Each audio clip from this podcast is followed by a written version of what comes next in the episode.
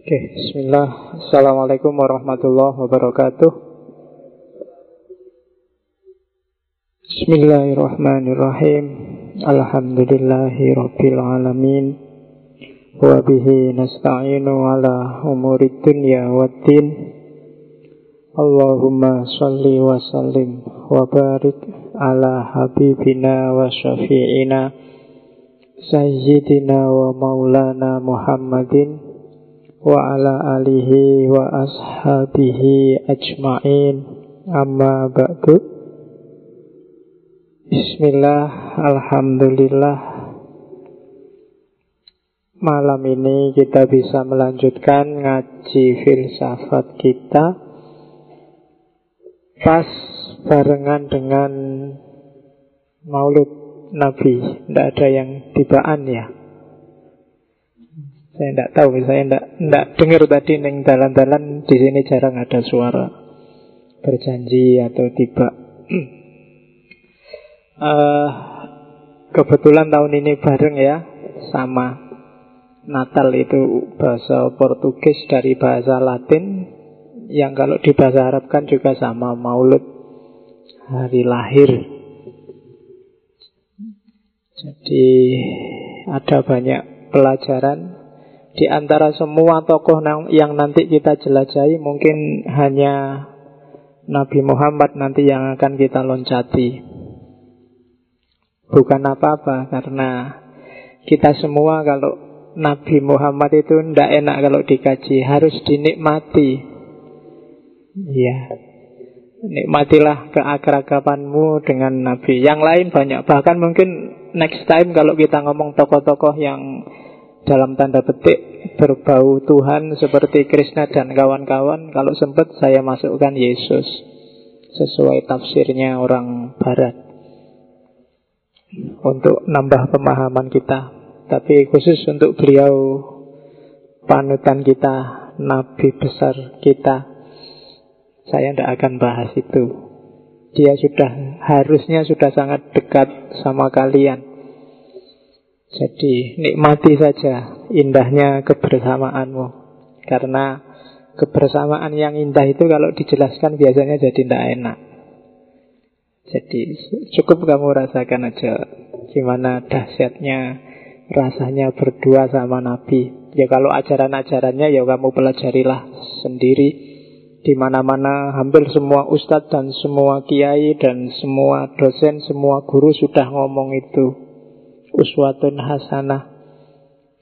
Hanya saja dalam konteks filsafat bagi saya Nabi Muhammad adalah filosof yang puncak karena dia juga dapat pengetahuan dari sang maha filsafat. Kan Allah itu kan gelarnya hakim. Hakim itu kan seakar kata dengan hikmah yang maha bijaksana. Sofia kebijaksanaan. Dan Nabi dapat pengetahuan itu kan channelnya langsung. Tidak kayak kita harus susah payah dulu. Kalau bahasanya para filosof muslim baru ketemu akal faal. Tapi kalau Nabi punya kualitas kalau dalam bahasanya Ibnu Sina itu namanya al-hadis. Al-hadis itu dia punya potensi luar biasa untuk memahami pengetahuan jadi tidak perlu berpikir panjang. Segala yang dia serap akan berubah jadi pengetahuan tentang hakikat. Tidak sekedar pengetahuan tentang apa yang terlihat. Itu Nabi di mata para filosof Jadi pelajaran pertama tentang Nabi Muhammad malam ini adalah Beliau adalah bagi saya pikiran-pikiran filsafatnya puncak karena tidak seperti semua filosof lain yang pengetahuannya pakai perantara, kalau Nabi pengetahuannya langsung. Dan bahkan sebelum jadi Nabi kan aktivitasnya Muhammad itu kan aktivitas seorang filosof. Tiga tahun sebelum dikasih wahyu kan setiap satu bulan, setahun sekali Nabi melakukan tafakur Tafakur itu kerjaannya seorang filosof. Di Gua Hiro Mikir tentang umatnya Mikir tentang agama yang mulai, mulai dirusak oleh masyarakat jahiliyah saat itu dan mikir macam-macam problem masyarakat Arab zaman itu. Dan itu sebenarnya aktivitas yang sangat filosofis. Jadi jangan salah sebelum dididik Allah jadi filosof yang puncak Nabi juga aktivitasnya aktivitas filosof dan mbah-mbahnya dulu termasuk yang paling terkenal kisahnya Nabi Ibrahim yang nyari Tuhan itu kan juga aktivitas yang sangat filosof mikir. Nah, dan bagi saya kalau kita sekarang ngaji filsafat itu sebenarnya mengikuti sunnahnya Nabi. Ya, jadi hukumnya sunnah. Oh, no. oh itu untung aku tidak ngomong wajib loh ya. Nah, Quran itu nyari ilmu itu hampir saja wajib. Bahkan Nabi bilang faridotun, faridotun itu fardu wajib. Jadi sifatnya wajib ain. Dan malam ini kita ketemu ain. Ya. Oke. Jadi itu pengantarnya dan dulu zaman saya kecil ada yang bilang Nabi Muhammad itu namanya double Ahmad dan Muhammad. Ahmad itu syariat, Muhammad itu hakikat. Itu kiai saya di kampung dulu gitu. Kenapa Ahmad itu syariat? Karena perhatikan huruf-huruf di kata-kata Ahmad. Itu kan pas huruf-hurufnya orang sholat. Alif itu berdiri, haknya itu rukuk, mimnya itu sujud, dan dalnya itu duduk iftiros atau tahiyat. Dan nanti syariat itu kalau dikurangi memnya akan ketemu hakikat. Memnya itu kan dikurangi dimensi kemanusiaannya Muhammad, maka dari Ahmad akan jadi Ahad. Jadi makanya Allah itu kan ada hadis kudsi yang bilang bahwa Allah itu Ahmad bila mim. Jadi Ahmad yang tanpa mim. Belum lagi nama Muhammad. Nanti di beberapa kitab tasawuf dasar Muhammad itu kalau mimnya itu minnah anugerah dari Allah haknya itu hub cinta mimnya lagi itu mahfirah dan dalnya yang terakhir itu dawamuddin keabadian agama puncaknya makrifat itu belum kalau artinya Ahmad itu itu kata dasarnya sama Ahmad sama Muhammad itu itu mana maknanya agak berseberangan. Kalau Ahmad itu orang yang banyak memuji. Kebalikannya Muhammad. Kalau Muhammad itu bentuknya maf'ul jadi orang yang banyak dipuji. Jadi dalam hidup itu sebenarnya dua-duanya harus gandeng. Kalau kamu ingin banyak dipuji orang, justru kamu harus banyak muji. Maksudnya banyak muji itu apa sih? Kamu tidak merasa tinggi, tidak merasa pinter, tidak merasa paling benar. Yang tinggi, kalau kamu bagus, ya yang bagus. Kalau kamu indah, ya yang indah itu bukan kamu tapi Allah. Semakin kamu menerapkan paradigma ini dalam hidupmu, semakin nanti kamu akan layak untuk dipuji dalam hidupmu. Semakin kamu akan jadi Muhammad. Jadi semakin kamu Ahmad, semakin kamu akan Muhammad. Nah itu filosofi lumayan tinggi. Itu pengantarnya ya lumayan gosangu mulutan. Ya. Jadi itu kalau Natal, yo bulan-bulan depan lah kita ngomong khusus untuk beliau Nabi Isa. Tidak dalam konteks teologi tauhidnya, tapi banyak ajaran-ajarannya yang menginspirasi filsafat timur, termasuk filsafat barat, khususnya dalam aspek mistisisme. Kita ketemu bulan depan. Untuk yang Nabi Muhammad, nikmati saja. Indahnya bersama beliau. Oke, malam ini temanya kita ketemu filosof perempuan terakhir, sesi keempat. Ain Ren. Saya tidak tahu ini sebenarnya nggak saya rencanakan. Jadi puncaknya filosof perempuan kita ada di Hari Ibu. Ya, itu sing ngatur skenario nya dari yang di atas. Judulnya tak ambil ngawur, wae kan kayak kemarin kan pas waktunya Tagore ya pas ulang tahunnya, waktunya waktunya kita terakhir sesi filosof perempuan pas hari Ibu 22 Desember. Oke, kita mulai ya ngaji kita. Semoga masih istiqomah disiapkan perangkatnya. Karena biasanya kalau ini kan kalau TV namanya prime time. Jadi jam-jam khusus yang harusnya untuk senang-senang nonton TV. Tapi kamu malah ngaji. Oke, yang ini jangan dilihat lama-lama. ya, langsung ke sini. Oke, mulutan malah nonton gambar. Jadi Ayn Rand ini lahirnya di Rusia. Cuma nanti dia imigrasi ke Amerika. Kenapa tadi foto-fotonya modis? Ya karena dia cakep dan nanti menikah dengan sineas Hollywood. Sutradara namanya O'Connor.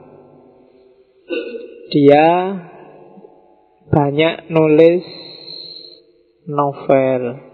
Filsafat-filsafatnya itu banyak ditemukan di beberapa novelnya meskipun ada hitungan saya 3-4 buku yang dia tulis khusus tentang teori-teori filsafat.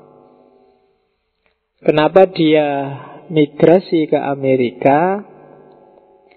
Coba dilihat di sayap kanan itu itu karena ada di Rusia banyak peristiwa-peristiwa besar, khususnya yang berhubungan dengan politik. Dan dia termasuk juga orang yang terancam di sana, ya termasuk keturunannya Yahudi. Jadi itu coba dicek ya, gara-gara perang dunia pertama, terus revolusi Rusia, revolusi Rusia itu kan nanti ketemu sama Lenin, saya tidak tahu dulu kita sudah ngaji mat. Cuma sering dalam diskusi teman-teman susah membedakan bedanya apa? Sosialisme, marxisme, sama leninisme. Atau bahkan malah maoisme. Ini kuabeh komunis. Nek di Indonesia kabeh diarani PKI. Jadi beda. Kalau sosialisme itu gagasan bahwa alat-alat produksi yang penting untuk orang banyak itu harus dikuasai oleh orang banyak juga. Tidak boleh dimiliki individu per individu. Termasuk distribusi kekayaan bersama itu juga harus diatur bersama. Tidak boleh ada monopoli. Itu sosialisme namanya. Sama rata, sama rasa. Nggak boleh ada menang-menangan, nggak boleh ada monopoli. Nanti cuma mikir kayak gini ini kan bagus iya ya enak ya kalau kita sama rasa sama rata tidak ada jurang antara yang kaya dan miskin ya mimpinya enak tapi caranya piye kan gitu terusan nah Caranya gimana ini nanti lahir Karl Dia merumuskan dikenal sebagai komunisme. Caranya gimana? Ya sudah, orang-orang yang lemah yang disebut proletar itu berontaklah, bikin revolusi. Rampaslah harta kepemilikan orang-orang kaya, orang-orang feodal, orang-orang borjuis Kemudian bagilah rata, bikin masyarakat yang setara. Yo, detailnya bisa dibaca dulu kita pernah ngaji itu. Itu namanya komunisme. Nanti di Rusia ada Leninisme. Kalau Lenin, kalau tadi kan Komunisme itu siapa sih yang merampas? Ya orang-orang proletar. Nanti dia akan mendirikan partai namanya komunis. Nah, kalau di Leninisme, kelompok-kelompok komunis, komunal, masyarakat itu nanti dikoordinir secara tersentral oleh namanya negara. Jadi negara lah yang berhaluan komunis nanti yang ngatur distribusi ini yang ngatur masyarakat proletar, masyarakat miskin. Ngatur buruh-buruh, distribusinya diatur, disentralkan di negara. Kalau semula kan ya urusannya partai masing-masing, urusannya masing-masing kelompok proletar. Nah, sekarang begitu muncul Lenin, diaturlah oleh negara.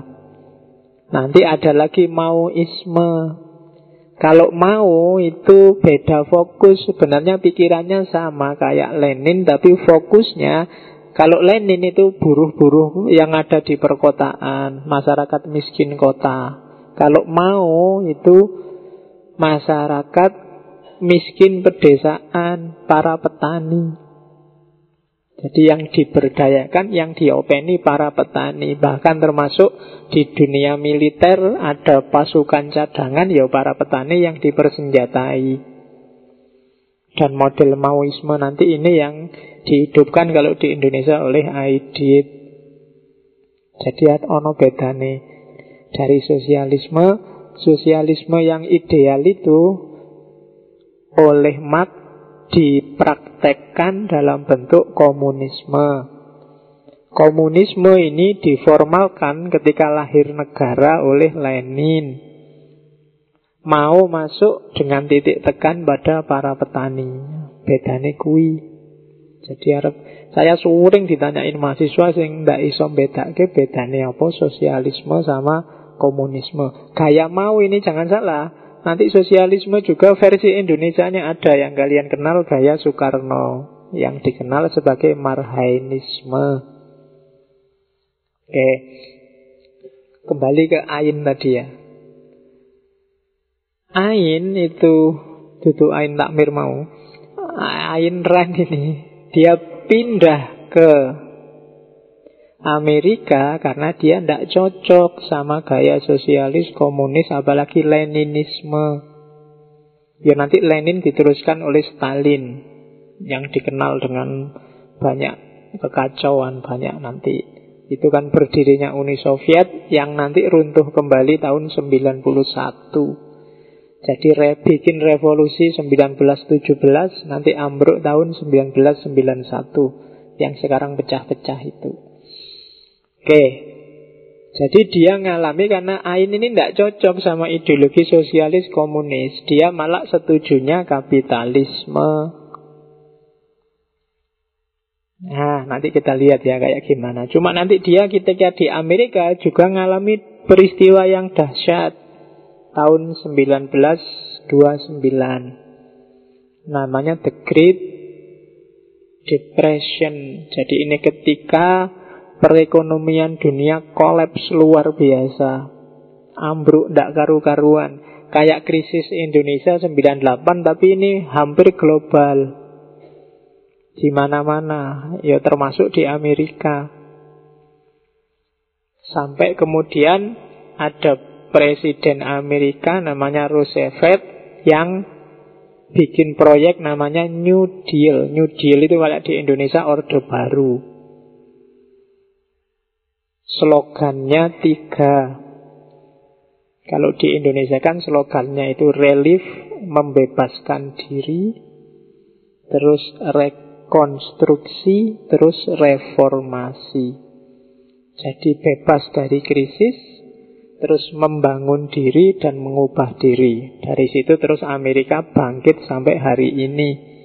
Sehingga Ain ini semakin percaya sama yang namanya kapitalisme. Nanti kita lihat logikanya di mana. Jadi ada sosialisme, ada komunisme, leninisme, stalinisme, dan terakhir kapitalisme. Pikiran-pikiran ini nanti yang jadi basis si Ayn Rand. Jadi Ayn Rand ini tidak kayak filosof-filosof perempuan sebelumnya yang sibuk membelani perempuan. Dia ini orang yang sudah tidak mikir apakah itu perempuan apa laki-laki ya. Pokoknya kedudukannya sama, berjuang sama-sama manusianya. Itu Ayn Rand. Jadi konteks sejarahnya itu Ayn Rand ini tapi sayangnya sudah meninggal Kemarin tahun 1982 Filsafatnya nanti dikenal sebagai objektivisme. Jadi pemikiran filsafat yang dasarnya objek. Dan ini luar biasa karena orang-orang modern Sampai pusmu hari ini itu lebih percaya pada subjek. Subjektivitas. Dan Ain lah nanti yang punya gaya objektif. Hidup ini harus objektif. Tidak bisa kok hidup itu dasarnya subjektif. Nanti kita lihat cara mikir gimana sih objektivisme. Dan nanti yang sangat terkenal adalah etika objektivisme. Oke. Kita mulai sekarang seperti apa. Ini saya ambil, kemarin saya ngomong ya, saya menerjemahkan bukunya Ayn Rand yang judulnya Filosofi Who Need It. Siapa sih yang butuh filsafat itu? Tak potong sedikit itu di buku saya yang satu kelihatannya tak ambil bab itu. Jadi Ayn Rand mau bilang, tidak mungkin orang itu tidak filosofis. Kalau kamu tidak kenal filsafat sekalipun, cara berpikirmu, cara nalarmu itu pasti filosofis. Setiap orang, kan saya selalu bilang, setiap orang punya filosofi sendiri-sendiri. Bahkan termasuk filosofi yang bunyinya saya anti filsafat. Itu juga filosofi. Dulu. Nek kamu ngomong, Pak, saya tidak mau mikir, Pak. Itu juga hasil pemikiran. Lo iya kan? Lo kalau kamu mau apa aku tidak mau mikir, lo itu kan hasilmu mikir sehingga kamu menyimpulkan nggak mau mikir. Tidak ada orang yang tidak mikir itu. Selama akalmu masih waras dan jalan, kamu mesti mikir. Sama kayak kemarin kan, nggak ada orang yang tidak milih. Saya males pak milih loh. Ketika kamu males milih, itulah pilihanmu. Kan gitu. Jadi tidak mungkin kamu tidak milih juga tidak mungkin kamu tidak mikir. Mbok sekeras apa pun kamu ngomong, tidak usah pakai akal. Cukup Quran saja atau cukup hadis saja. Apa yo bisa? Tidak mungkin bisa. Karena Al-Quran tidak akan bunyi kalau akalmu mati. Jadi kuncinya di situ. Makanya nggak usah gegeran ini pakai wahyu apa pakai akal pak. Iya pakai dua-duanya. Karena tidak mungkin wahyunya bisa bunyi kalau akalmu nggak jalan. Gitu. Itu Ayn Rand ngasih contoh. Tak kasih contoh ya katanya Ayn Rand. Coba dicek deh prinsip-prinsip hidupmu. Misalnya kadang-kadang kamu ngomong sudahlah hidup ini nggak mesti kok. Kadang A, kadang B. Itu filosofis. Jauh sebelumnya sudah ngomong kayak gitu siapa? David Hume. Filsafatnya namanya empirisisme. Atau kalau kamu ngomong gini, ah teori, prakteknya nanti kan beda. Itu yo filosofi sepol.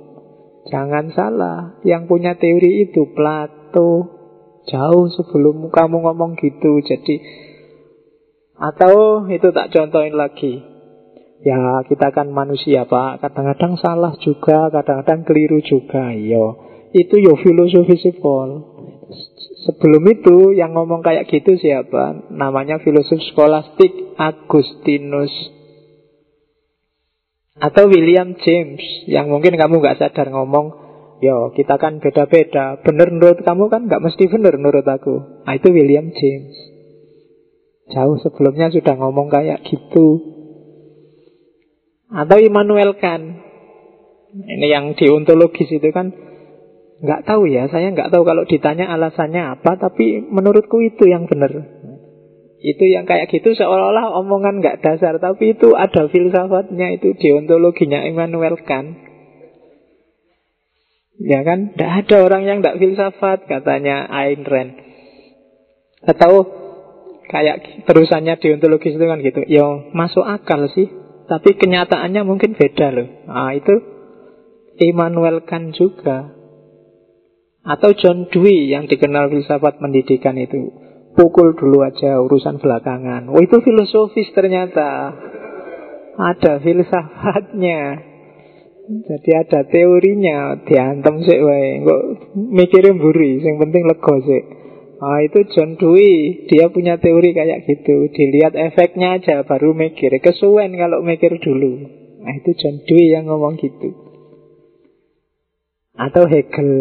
Iyalah, kemarin mungkin benar, tapi apa iya sekarang masih benar? Nah itu Hegel.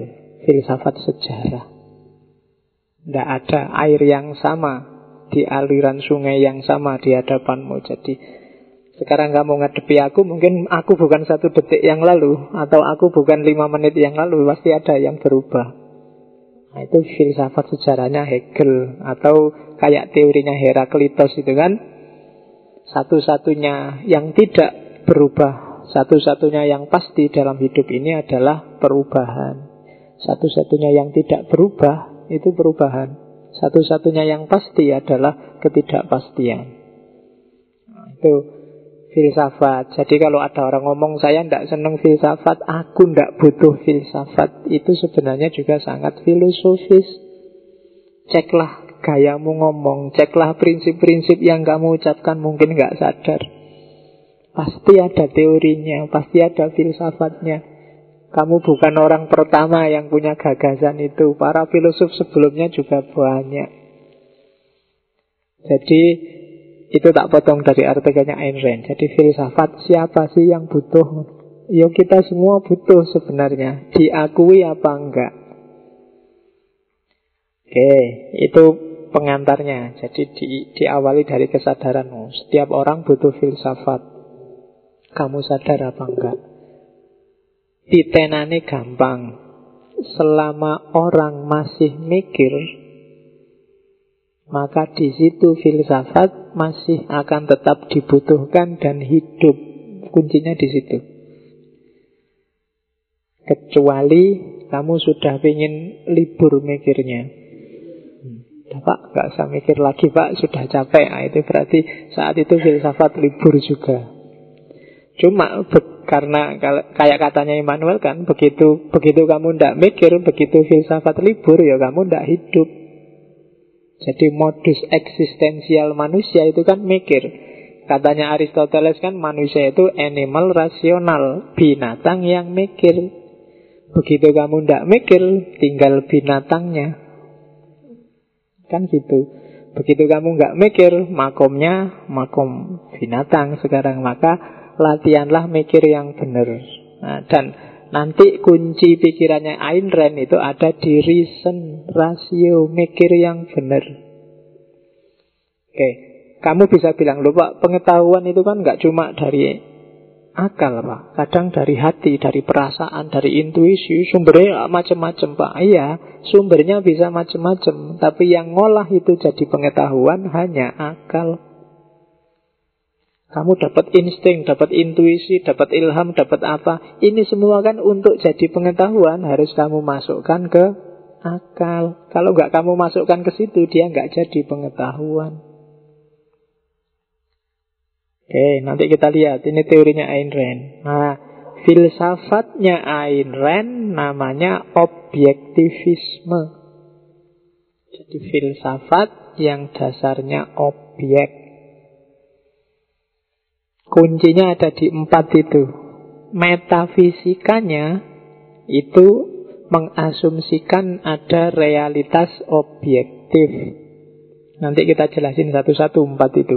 Epistemologinya percaya pada reason, akal sehat. Etiknya, banyak orang bilang etiknya Ayn Rand ini etik yang individualis egois. Tapi nanti coba kita lihat ya apa ya gitu. Kalau pakai istilah namanya pakai self interest, kepentingan diri. Itulah dasarnya etika. Dan politiknya kapitalisme. Coba dilihat, filosof perempuan yang tidak usah bahas lagi Siapa perempuan, siapa laki-laki. Dalam dunia filsafat tidak dibahas, tidak ada bedanya laki-laki dan perempuan karena yang dihargai bukan jenis kelaminnya. Tapi isi pemikirannya. Dalam pendidikan juga harusnya nggak membedakan laki-laki dan perempuan. Dalam politik juga nggak harusnya nggak membedakan laki-laki dan perempuan. Harus dibedakan laki-laki dan perempuan itu hanya dalam aspek seksual, genital. Kayak minggu lalu di Simon de Beauvoir kan bedanya cuma itu, cuma di empat hal. Menstruasi, melahirkan, hamil, eh hamil dulu ya, hamil, melahirkan dan menyusui. Cuma empat itu. Kalau urusan empat ini bedakan laki-laki dan perempuan.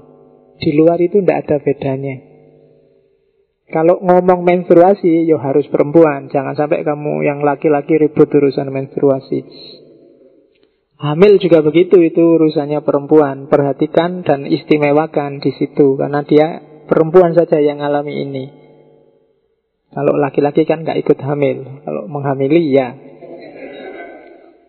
Kamu kok ketawa kayak pernah aja.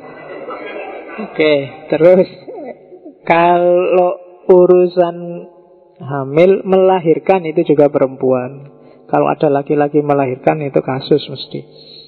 Dan yang terakhir menyusui. Di empat hal ini sangat perhatikanlah perempuan bila perlu dan mungkin wajib istimewakanlah tapi di luar itu sebenarnya sejajar setara. Nggak usah dibahas nggak usah dibeda-bedakan. Urusan politik urus bahkan urusan ibadah kedekatan sama Allah urusan pendidikan urusan apa pun itu ndak laki-laki ndak perempuan semuanya sama. Dan malam ini Ayn Rand ingin menunjukkan bahwa meskipun dia perempuan pikirannya bisa menggoncang banyak hal. Jangan salah, yang tadi ketika dia bilang filsafat, siapa yang butuh itu sebenarnya ceramah di hadapan Navy Seals, jadi angkatan lautnya Amerika. Dia perempuan ngasih motivasi angkatan lautnya Amerika untuk belajar filsafat. Ceramahnya judulnya filsafat siapa yang butuh. Jadi angkatan lautnya belajar filsafat saya tidak tahu mungkin untuk tujuan tertentu karena filsafat itu kan bisa multi purpose tujuannya macam-macam. Nah, asumsi metafisikanya itu, epistemologinya itu, etikanya itu, politiknya itu. Diingat-ingat ya, setiap pemikiran itu kadang-kadang sebelum kamu gegeran, debat, diskusi, ceklah asumsinya. Kamu nganggap manusia itu apa sih? Itu penting juga. Kamu nganggap alam semesta ini apa sih? Kamu nganggap Tuhan itu apa sih? Kamu nganggap itu penting loh. Menurutmu Al-Quran itu apa sih? Kadang-kadang ini juga penting. Sebelum kamu diskusi mati-matian kembali pada Quran dan Sunnah. Sunnah itu apa sih? Itu harus jelas dulu. Kadang-kadang orang beda asumsi di awal, tapi dia tidak sadar. Bagi kamu agama itu mungkin ada yang mengasumsikan agama itu hasil karyanya Tuhan, sementara yang lain mengasumsikan agama itu ya hasil karyanya manusia. Tuhan hanya menginspirasi ajarannya saja. Sementara yang satu lu agama itu ya dari Tuhan full 100%. Ini kan beda asumsi. Ada asumsi ini yang metafisik misalnya itu kan realitas. Ada yang anggap realitas itu ilusi, bukan sesuatu yang sejati, yang sejati ada di balik yang kelihatan ini ada yang anggap realitas itu ya aslinya ya itu. Masjid ya masjid manusia ya manusia nggak ada yang di balik itu. Oh, itu kan asumsi itu menentukan. Jadi kadang-kadang kalau kamu diskusi perjelas dulu definisi awalnya asumsi-asumsinya. Saya dulu pernah diskusi rame tentang jilbab tapi begitu diperjelas asumsinya, ternyata beda definisi. Oh, yang dimaksud jilbab itu ternyata ada yang mendefinisikan jilbab itu tutup kepala, ada yang mendefinisikan jilbab itu adalah sunnahnya Nabi, ada yang bilang wajib dari Nabi, ada yang asumsinya wis beda. Digadukkan juga tidak bisa. Misalnya hari ini Maulud Nabi bareng Natal. Itu kan biasanya gegerannya standar setiap tahun. Kalau Maulud Nabi urusan bid'ah tidak bid'ah Perayaan Maulud Nabi Kalau Natal mesti urusannya selamat hari Natal. Wis ikut tiap tahun ritualnya tidak ganti-ganti. Spanduk tahun lalu dipasang lagi. Haram mengucapkan selamat hari Natal Wong diskusi ini bodoh Isunya sama. Jadi spanduknya sekarang dipasang Besok disimpan tahun depan dipasang lagi. Wong ya urusannya bodoh Dan kita mikirnya semakin sempit. Hukum Islam di Indonesia itu tinggal dua halal sama haram. Ya kan? Begitu tidak sunnah Terus dianggap haram tidak sunnah itu berarti Nabi nggak nyontoin, sahabat juga nggak nyontoin, terus kesimpulannya berarti haram kan gitu. Apa iya mesti ngono? Wong kita itu kalau di kan rankingnya ada lima, tidak dua. Ada haram, ada makro, ada mubah. Tapi begitu ngomong hukum selalu jatuhnya kalau tidak halal ya haram. Itu bagi saya kita makin lama makin bodoh. Harusnya tambah pinter. Gradasi itu mungkin bisa ditambah-tambahi loh. Ini sunnah tapi nggak banget-banget. Ini sunnah loh mungkin bisa begitu. Ini sunnah pol, ini sunnah sidik, ini sunnah kan gitu. Ya. Oke, ya kan. Dan itu kan kategori-kategori yang kontekstual kan sifatnya. Kayak tiap malam Jumat aku nggak ngerti sekarang ya. WA itu tiap malam Jumat mestinya lagi jangan lupa loh malam Jumat. Itu kan urusannya sunnah bertempur itu kan. Loh itu dari mana? Dulu sunnah malam Jumat itu nggak ada orang peduli, jadi agak sunnah tapi nggak peduli. Sekarang kelihatannya kok semua peduli ke sana. Kan gradasinya tambah tebel berarti. Tambah mantap. Ya kan? Makin lama kita makin tidak cerdas dengan logika-logika hukum, logika fikih. Perdebatannya kan selalu antara dua kutub. Yang pertama kutub yang punya prinsip segalanya tidak boleh kecuali yang diperintah. Yang kedua kutub segalanya boleh kecuali yang dilarang. Cuma dua itu perdebatannya. Jadi ada orang yang bilang semuanya boleh kecuali ada larangannya. Yang satu bilang semuanya nggak boleh kecuali ada perintahnya. Jadi yang ini selalu lihat ada apa-apa, mana perintahnya, mana dalilnya, mana itunya kan ngono. Yang satu tak lakoni, mana larangannya, nggak ada, mana kan selalu begitu. Jadi perdebatan dua kelompok itu yang nggak habis-habis. Oke, sehingga visi dan momen dari kegiatan itu kan tidak muncul. Dari misalnya kenapa sih ada maulud nabi dulu? Yo banyak para ulama yang melaksanakan maulud nabi. Sebenarnya visinya ada yang ngomong itu diawali dari abad ketujuh di Irak. Saya lupa nama kaisarnya siapa. Terus ada yang bilang itu Salahuddin al-Ayyubi untuk membangkitkan semangat pasukan salib. Ada yang bilang dari dinasti Fatimiyah Iran. Karena dinasti Fatimiyah dan kelompok Syiah itu kan biasanya aktif punya hari libur banyak. Karena setiap hari lahirnya yang mereka hargai termasuk imam-imam itu hari libur.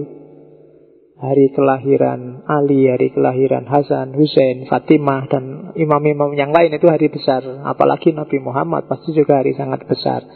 Jadi ada yang bilang itu dari zaman dinasti Fatimiyah. Ada yang bilang itu kreasinya Solahuddin al-Ayubi karena umat Islam sudah mulai tidak semangat lagi perang salib. Maka terus dibikinlah siroh-siroh cerita-cerita patriotisme sejarahnya Nabi sehingga mereka semangat lagi. Ada yang bilang itu diawali dari kekaisaran namanya Irbil di Irak awal saya lupa, kelihatannya rajanya namanya Muzaffar siapa gitu yang menginisiasi dan setiap kali Maulud Nabi dia nyembelih ribuan unta, ribuan kambing. Ya tujuannya sebenarnya kan tiga, takziman, tikroman, sama tasyakur. Jadi terima kasihlah pada Allah kamu dikasih Nabi Muhammad Tanpa ada Nabi Muhammad, bahkan malam ini kita nggak akan ngumpul di sini karena nggak ada masjid. Nggak akan ada ngaji filsafat di Masjid Jenderal Sudirman kalau nggak ada Nabi Muhammad. Karena yang adanya masjid kan karena adanya Islam, adanya Islam karena adanya Nabi. Banyak sekali jasanya kamu akui apa tidak kamu akui.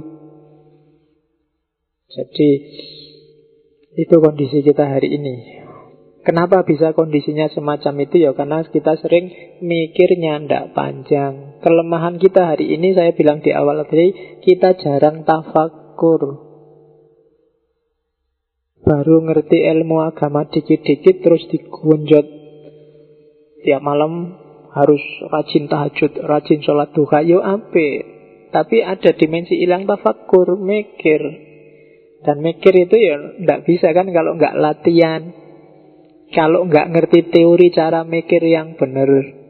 Makanya dulu Imam Syafi'i dengan meminjam ilmu mantek nulis arisalah.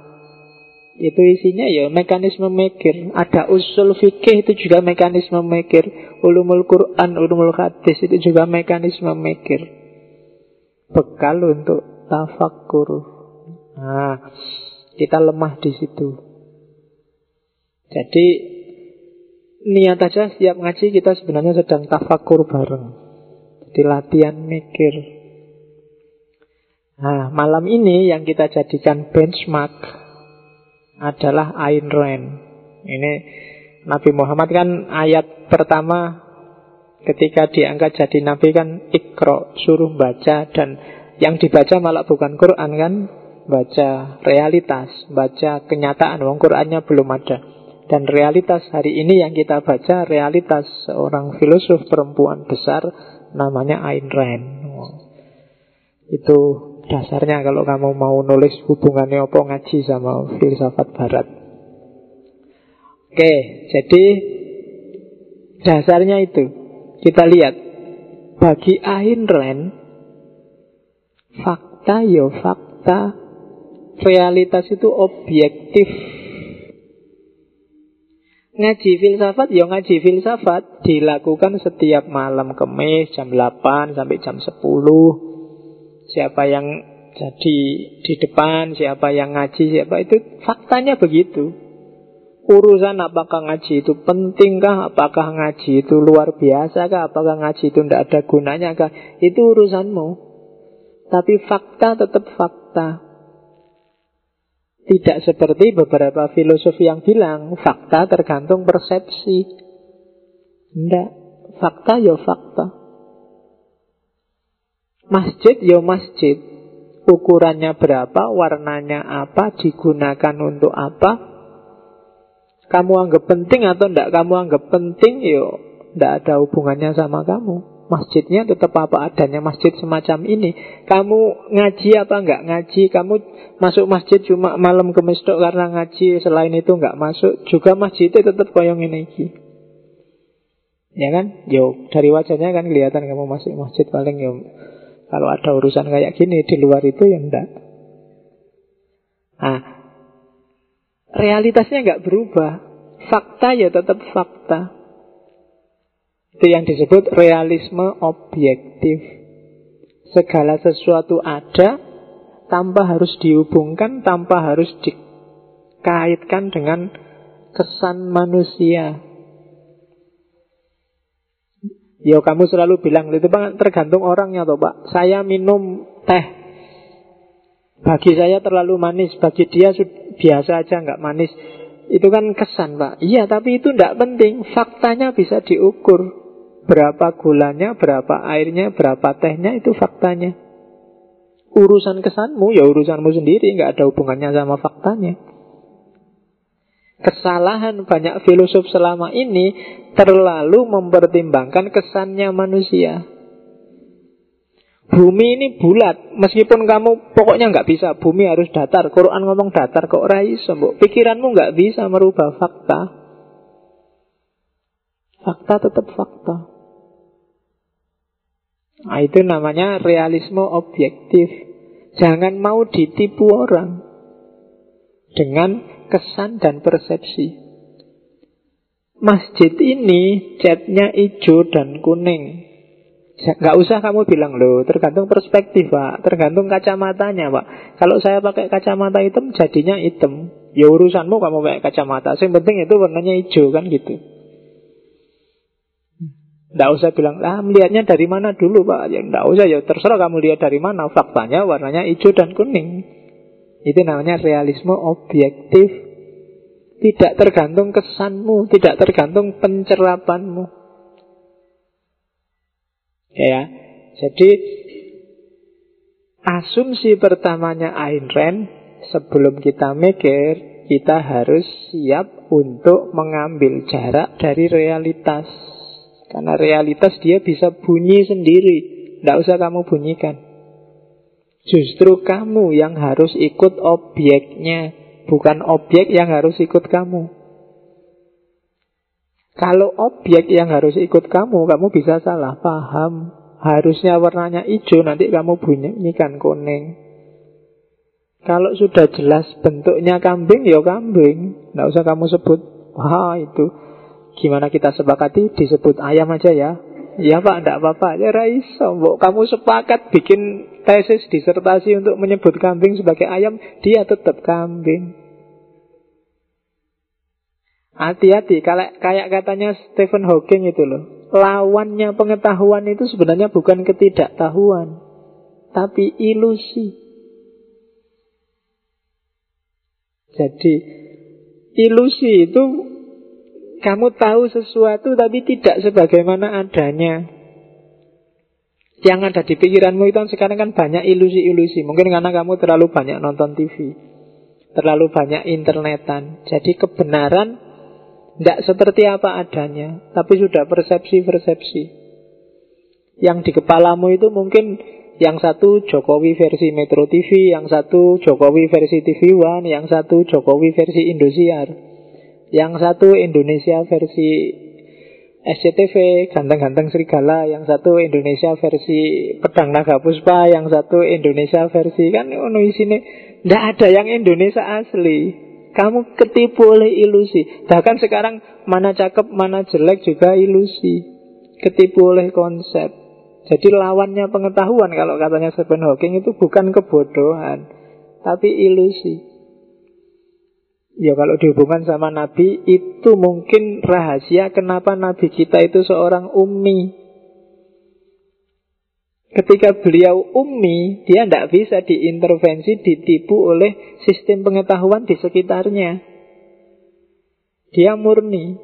Yang paling berpengaruh pada Nabi yang pertama, pada setiap orang itu yang pertama ibu, terus ayah, terus keluarga dekat. Bayangkan Nabi ayahnya nggak ada sebelum dia lahir. Ibunya juga sampai di beliau kecil sudah meninggal. Terus tadi dia relatif tidak terkontaminasi oleh lingkungan sekelilingnya. Jadi pengetahuannya lebih murni dibandingkan kita.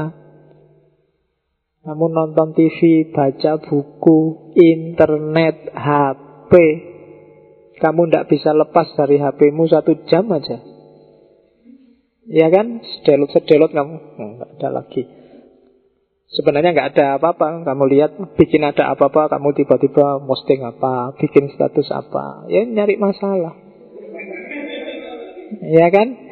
Kamu bikin ilusi sendiri kadang-kadang. Nggak sekedar kamu ketipu, tapi kamu juga kadang nipu orang. Selfie itu kan kadang-kadang trik untuk biar orang ketipu janjane yo. Kamu hitam tapi fotonya ngisore anu kelihatan putih. Ya kan, kamu moto nyari angle yang kelihatan paling cakep kayak gimana dan kamu gitu terus itu ilusi nipu orang juga. Ya kan? Dan kamu seneng luar biasa nanti kalau dapat jempol banyak, dapat like banyak. Padahal itu kadang ya bahasa basi kan yang ngelok gitu. Kamu bangga, wah aku ulang tahun semua ngucapin ulang tahun. Ya kan, semua sadar, semua ingat hari ulang tahunku. Wah, itu yang ingetin Facebook ya. Facebook kan selalu ngomong hari ini temenmu ini ulang tahun. Terus kamu copy paste ucapan selamatnya yang lain kamu masukkan di temenmu itu. Dan itu yang diucapi selamat terharu luar biasa. Wah temenku ini. Oke. Ilusi. Jadi hati-hati, bedakan mana pengetahuan, mana ilusi. Jangan ketipu. Makanya katanya Ayn Randa, yang harus dipedomani adalah realitas yang objektif. Ini basisnya sehingga nanti filsafatnya disebut objektivisme.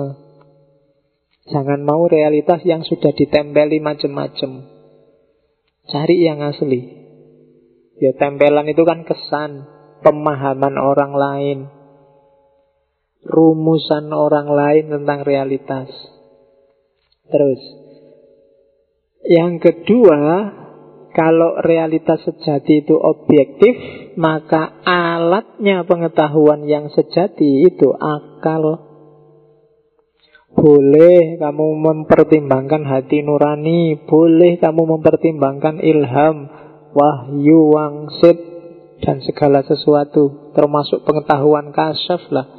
Tapi yang namanya pengetahuan itu mau atau tidak yang ngolah itu akal, reason. Sumbernya dari mana pun, termasuk dari panca indera misalnya. Jadi satu-satunya alat untuk menangkap realitas yang objektif tadi akal. Maka jernihkanlah pikiranmu, jangan keruh. Kalau pikiranmu keruh, kamu tidak akan bisa menangkap realitas yang sejati. Yang kamu tangkap hanya yang ilusi. Jadi akalmu sangat penting karena dia satu-satunya alatmu untuk dapat pengetahuan. Dan pengetahuanlah nanti yang menyelamatkanmu sebagai manusia. Di situ disebut alat untuk survive. Biar kamu survive jadi manusia, akalmu harus hidup. Semua tragedi kemanusiaan itu lahir ketika akal tidak sehat. Silahkan kamu cari contoh apa pun. Ketika akal tidak beres, kasus apa wae lah. Mulai perang dunia sampai kasus mama minta pulsa, papa minta saham, itu pasti karena akalnya tidak beres. Cara kerja akalnya perlu dipertanyakan. Hari ini orang gegeran, macam-macam temanya, termasuk dalam agama itu kan banyak sekali. Itu juga pasti karena ada alur berpikir yang belok-belok. Jadi satu-satunya jalan untuk dapat pengetahuan biar kita survive jadi manusia, jagalah agar akal kita tetap sehat. Nanti Hegel bilang dunia ini bergerak ke arah yang lebih rasional, lebih rasional. Kontroversi apa pun boleh terjadi, tapi yang akan survive adalah yang lebih rasional. Itu teorinya Hegel. Jadi kalau kamu ingin ngerti debat apa lah misalnya Pak, Islam tradisional, Islam fundamentalis, Islam apalagi jenisnya Islam banyak. Kira-kira yang paling benar yang mana Pak? Jawaban kalau versi dan yang paling rasional dia akan survive. Yang tidak rasional akan lenyap lama-lama. Seandainya masih bertahan paling jadi museum. Museum itu dia ada tapi nggak operatif, nggak jalan. Ada tapi nggak bisa dipraktekkan. Pasti ada sisi-sisi yang tidak rasional. Saya sering menceritakan di kelas itu contohnya paling gampang fatwa rokok haram. Itu kan tidak jalan. Kamu difatwai ping piro wae, mau diancam neraka pun ya tetap ngerokok. Entah dengan alasan apa, itu pasti ada sisi dari fatwa itu yang miss. Mungkin membaca realitasnya kurang utuh, mungkin persepsi yang ngasih fatwanya keliru, mungkin cakupan kuasanya belum nyampe, macam-macam pasti ada ada dimensi rasio yang tidak nyambung. Sehingga meskipun difatwakan bolak-balik ya, kamu masih kebal, kebul ngerokok aja. Ya, sembuh alasanmu apa? Rokok haram loh masuk ya makanya haram itu pak. Tak bakar ini pak. Lah iya kan. Makanya Pak nggak saya makan ini. Tak obong woy. Haram makanya. Benci saya Pak. Makanya tak bakar semua rokok saya. Oke. Oke, terus. Ya karena percaya dengan reason maka ya kebenaran itu ada. kebenaran akal, kebenaran rasional. Jadi rasionalitas itu ada, tidak ada yang relatif. Jadi ada fakta yang jelas, ada akal yang sehat, di situlah orang ketemu kebenaran. Jangan mau ditipu orang yang bilang tidak ada semua kebenaran itu relatif. Kalau semua kebenaran itu relatif, kamu nggak bisa ngapa-ngapain loh. Contohnya, saya haus. Kalau aku tidak yakin dengan minum teh ini hausku hilang, aku kan nggak jadi minum. Kenapa aku minum? Karena aku yakin bar aku ngombe mesti terus ndak haus lagi. Makanya aku minum.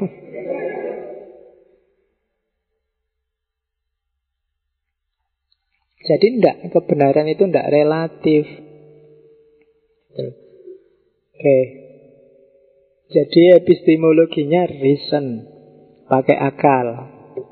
Yang ketiga, sistem etika. Etika itu perilakunya manusia. Kebaikan perilakunya manusia Tidak usah pakai dasar yang daki-daki Kalau di Ain Ren Gak usah mikir yang jelimet-jelimet Perbuatan baik itu yang gimana sih? Yang bermoral itu yang gimana sih? Yang memenuhi self-interest Jadi apa? yang memenuhi keinginanmu, kebutuhanmu, kepentinganmu itu bermoral sudah. Kamu butuh makan, ya carilah uang untuk makan. Itu perilaku bermoral sudah. Kamu butuh pasangan, butuh pacar, dan kamu berusaha nyari pacar, itu bermoral. Self interest. Loh, kalau kalau meneng wae emangnya ada tiba-tiba cewek yang bilang Mas kawini aku ndak mungkin. Ya golek oh dan perilakumu nyari pasangan itu normal. Itu kan self interestmu, pinginmu kamu ke situ. Jadi patokannya moralitas itu pemenuhan self interest, kebutuhanmu. Kalau katanya Ayn Rand ya, kamu harus eksis demi dirimu, bukan untuk orang lain. Tidak usah gaya mengorbankan diri. Kalau di filsafat namanya altruisme. Ini saya ngalah aja pak Teman-teman yang lain biar nikah dulu Setibak-bak sana yang anunya Saya terakhir-terakhir aja Saya ikhlas kok pak Enggak Kalau kamu memang butuh Ya kamu juga harus berjuang nyari Jangan mengorbankan diri untuk orang lain Kalau di filsafat namanya altruisme Kalau uangmu tinggal satu-satunya 20 ribu itu Dan itu untuk makan besok Ada temenmu utang Ya jangan dikasih kalau kamu kasih, justru itu tidak bermoral. Ya bahasa lainnya bodoh lah. Lah ya uang tinggal segitu. Segitunya malah mau kayak ke uang. Jadi pertama-tama jangan mikir orang lain dulu. Kebutuhanmu apa dulu. Jangan konyol kan gitu pakai bahasa Indonesia. Kamu harus eksis untuk dirimu. Sesuai rasionalitasmu, sesuai kebutuhanmu. Dan kamu bebas butuh apa saja mengekspresikan dirimu untuk dapat apa saja. Karena manusia itu secara alami bebas. Kamu lahir itu kan free, bebas. Jadi apa saja bisa, milih apa saja bisa.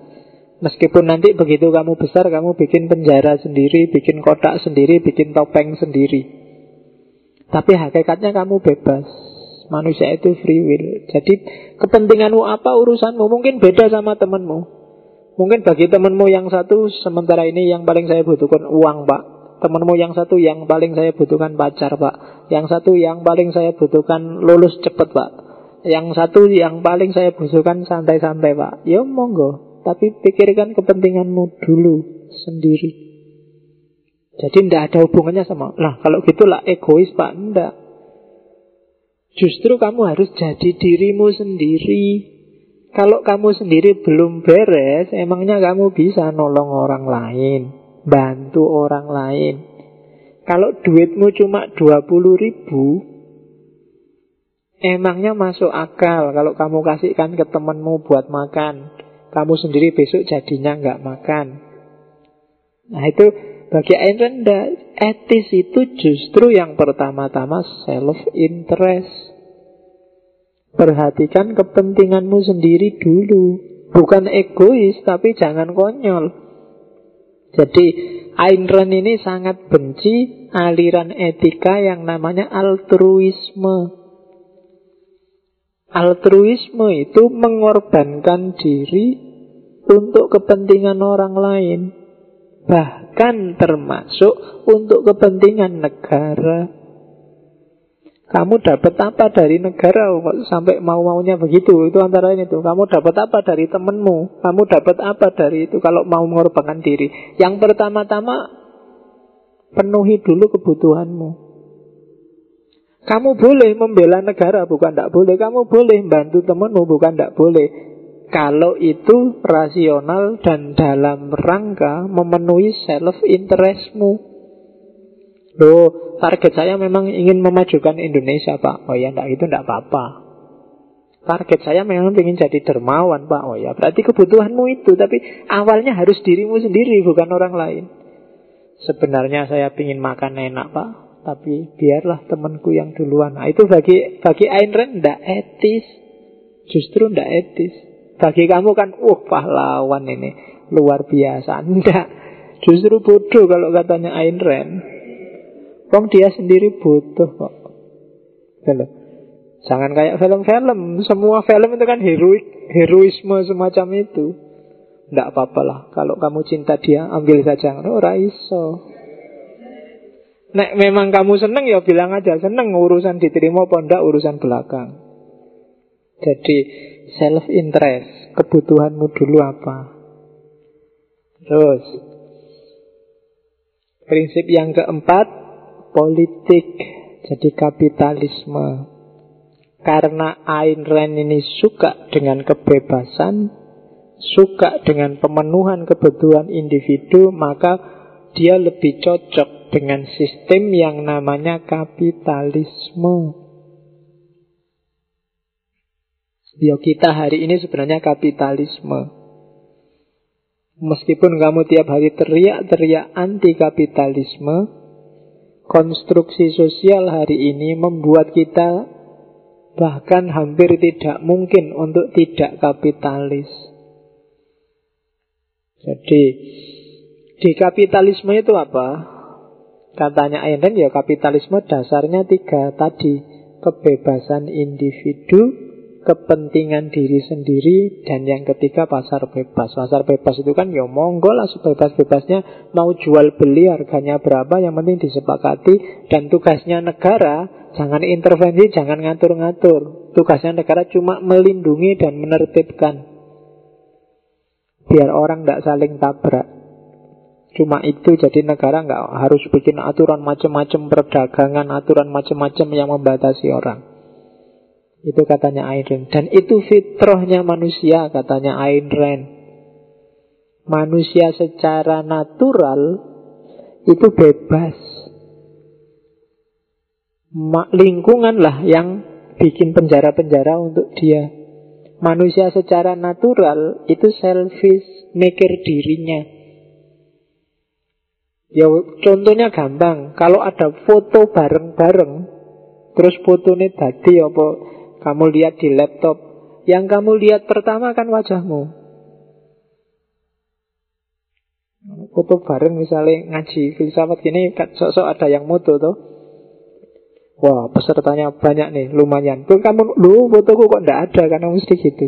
Kamu kan selalu nyari dirimu sendiri di situ. Nggak pernah, ya terserah temanmu nggak ada juga nggak masalah. Yang penting wajahku ada nggak di situ kan gitu. Dan itu natural kok alami. Setiap orang dasarnya dia pasti selfish. Mikir dirinya sendiri dulu. Maka justru kalau ada orang mengorbankan kepentingan dirinya sendiri itu tidak natural. Membohongi dirinya sendiri. Jadi katanya Eren tidak perhatikan kebebasan, kepentingan diri, termasuk kebebasan dalam hal ekonomi, Di situlah nanti lahir kapitalisme. Loh, tapi Pak, di situ ada monopoli modal, Pak. Lah ya kalau nggak pengen dimonopoli, ya kamu berdayalah. Kan itu rumusnya kapitalis itu. Kalau nggak pengen ditindas, ya kamu kuat lah. Syukur-syukur kamu ganti yang nindes. Iya kan? Sistemnya kapitalis kan itu bebas. Salahmu dewe, jangan salahkan orang lain. Kamu miskin kan gitu. Kalau kapitalis. Jadi itu yang disetujui oleh Ayn Rand. Yang lebih rasional ya yang semacam itu. Setiap orang tanggung jawab pada dirinya sendiri. Silahkan penuhi kebutuhannya masing-masing. Jadi secara natural itulah karakternya manusia. Kamu kan selalu ingin menang dari yang lain, lebih unggul dari yang lain, lebih kaya dari yang lain kan selalu begitu. Bahkan lebih cakep dari yang lain, meskipun faktanya bisa kebalikannya. Meskipun kamu merasa saya tidak terlalu cakep loh pak, tapi kalau sama dia ya menang aku lah pak, Sik, lumayan kan mesti ngono. Selalu kan gitu orang kan selfish, tidak tidak berani kamu membandingkan, wah tidak. Ya artis itu kan memang cakep-cakep pak Tapi hidupnya nggak bahagia pak Mending kayak gini ini bahagia Kayak kamu kan nggak pernah mau kalah Apa cakep-cakep Pacar cakep Istri cakep bolak-balik kawin cerai. Oh, Tentram kayak saya ini. Aman pak. Jelek-jelek juga nggak apa-apa Kan gitu. Jadi sudah jelas kamu kalah cakep Tapi kan masih nyari yang lain untuk Menunjukkan bahwa kamu masih menang. Kalau ternyata lu itu juga bahagia tuh, ah itu palsu pak, cuma di TV aslinya nggak gitu. Kayak ngerti-ngerti ya. Padahal ya mungkin dia memang bahagia. Oke, kan orang selalu begitu, pingin dirinya unggul, selfish, dan itu natural. Katanya Ayn Rand. Justru orang yang menipu diri lah yang jadi janjane dia butuh tapi ngomong ndak butuh. Jangan-jangan dia mau tapi ngomong ndak mau. Jangan-jangan suka tapi ngomong ndak suka. Nah, itu itu justru sumber masalah. Awalnya masalah itu di situ. Silahkan ekspresikan keinginanmu, maumu apa adanya, bahwa nanti tabrakan atau senggolan dengan maunya orang lain, ya manajemen sosialnya yang bagus. Ngatur bareng-barengnya yang enak. Oke, itu dari sisi politik. Nah, terus katanya Ayn Rand, orientasi hidup kita harus first-handedness. Jadi hidup kita harus tangan pertama. Jangan mau hidup second hand. Jangan mau hidup di tangan kedua. Apa pun yang kamu pilih, apa pun yang kamu lakukan, pastikan itu pilihanmu sendiri. Jangan mau didikte, disetir orang lain langsung atau tidak langsung. Jangan mau keinginan orang lain adalah keinginanmu, jangan mau.